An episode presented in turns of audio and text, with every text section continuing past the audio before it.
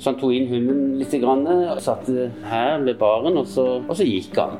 Rundt klokka halv ni så stopper de siste holdepunktene og observasjonene på hvor Raymond har befunnet seg.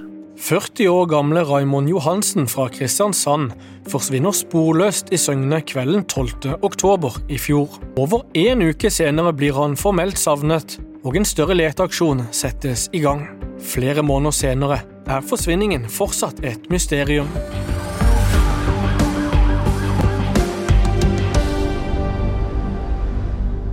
Altså, jeg er veldig flink til å få folk til å like meg når jeg treffer dem én gang i året. En gang i livet. Sånn som nå. En gang i måneden. Så jeg er veldig flink til å få folk til å like meg. Men bo under samme tak som meg i måned, og du hater meg. Stemmen du hørte nå, var Raymond Johansen da Fedlandsvennen intervjuet ham for snart tre år siden. Da slapp han ut av Arendal fengsel etter at Nav-skandalen ble avdekket og dommen til Raimond viste seg å være ugyldig. Raimond hadde kun rukket å sone noen dager av dommen han hadde fått for Nav-svindel. En sen høstkveld i fjor forsvinner derimot alle livstegn etter 40-åringen her på Toftlandsveien.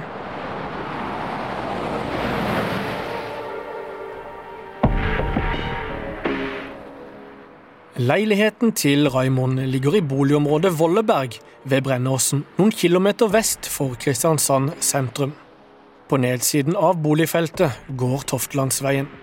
Langs veien renner Søgnelva, og i nærheten ligger E39, hvor bilene durer forbi. Følger man Toftlandsveien rundt fem kilometer vestover, kommer man til Tangvall, som er sentrum i gamle Søgne kommune. Her finnes bl.a. butikker, et lite kjøpesenter og flere spisesteder. Ettermiddagen 12. oktober tar Raymond med seg hunden Pluto, som han har passet over lengre tid. Han tar med seg hunden i bånd og går i retning Tangvall, forteller Harald Hollerud, som er seksjonsleder for etterforskning på Kristiansand politistasjon. Basert på de opplysningene vi har, da, både elektroniske spor og observasjoner osv., så, videre, så mener vi at vi har grunn til å tro at han antagelig var hjemme den 12. rundt 15.11. Um, og så har vi eh, grunn til å tro at han da har gått i retning Tangvall, og der har det jo vært observasjoner av han rundt klokka fire.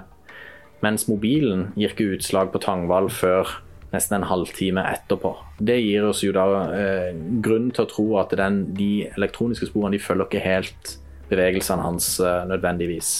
Politiet forstår det slik at Raymond på denne tiden har problemer med signalene på telefonen. De blir borte i tide og utide, også tidligere denne dagen.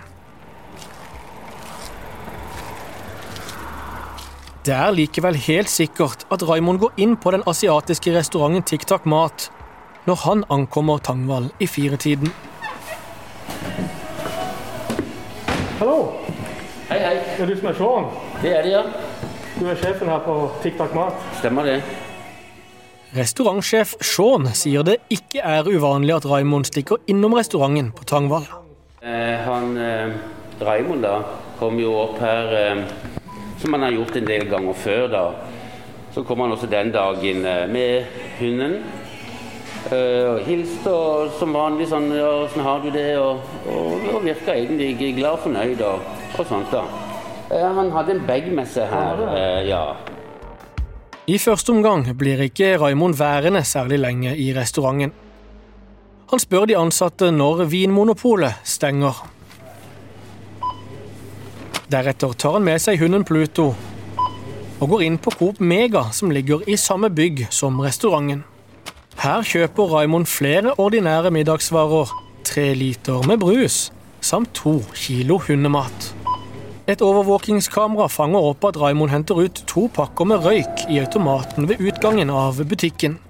Han er ikledd en tjukk grønngrå genser med en mørk jakke knyttet rundt livet. Han har mørke sko med hvite såler. Klokken er 16.25, og Raimond går videre.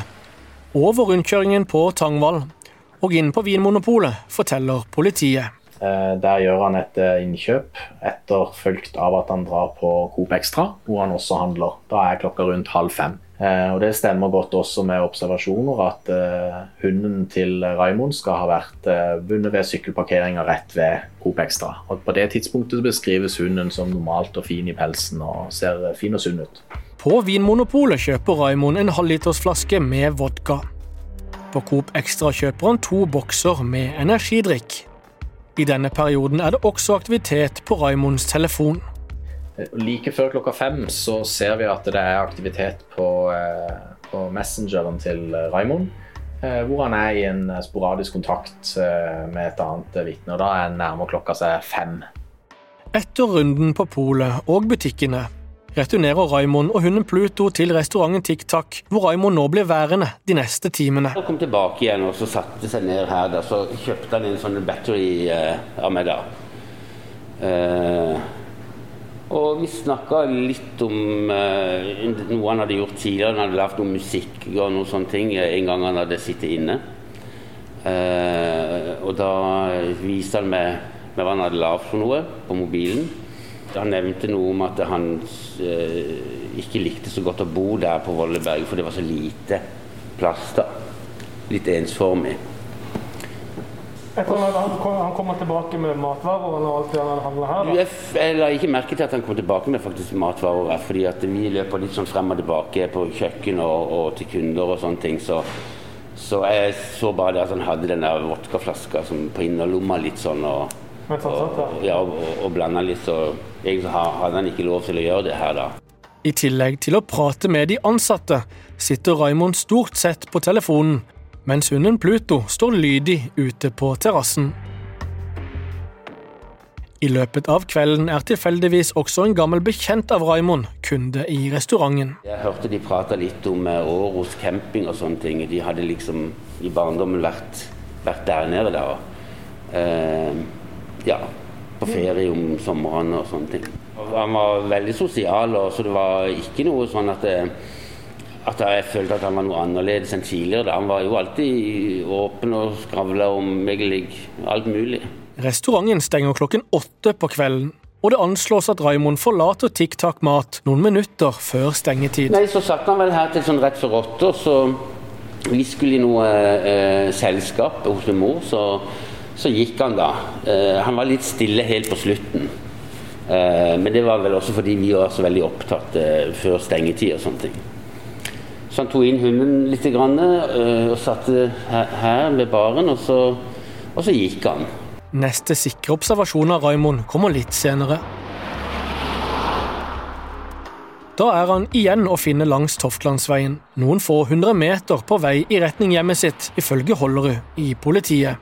Rundt kvart over åtte, det er jo et kvarters tid etter TikTok eh, stenger, så gjør en person en observasjon av Raimond eh, like ved bruktbutikken på Tangvall, ved Toftlandsbroa.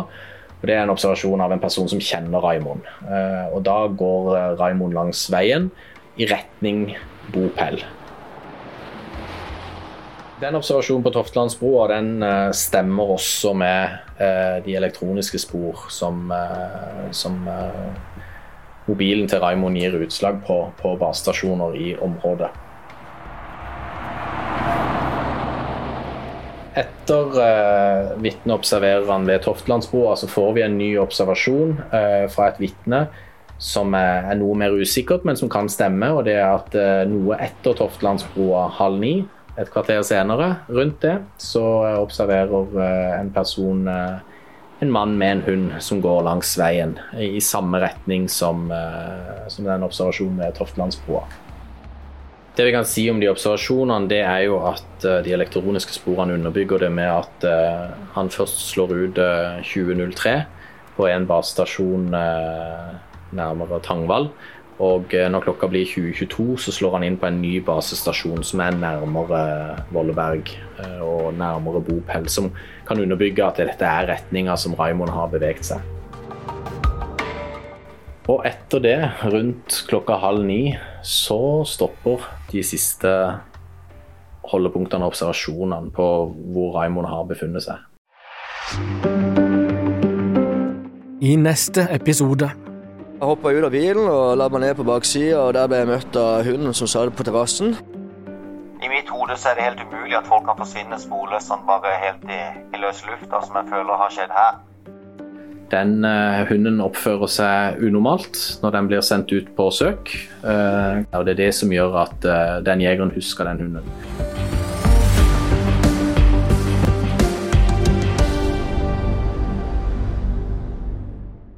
Du har hørt del én av podkasten Hva skjedde med Raymond?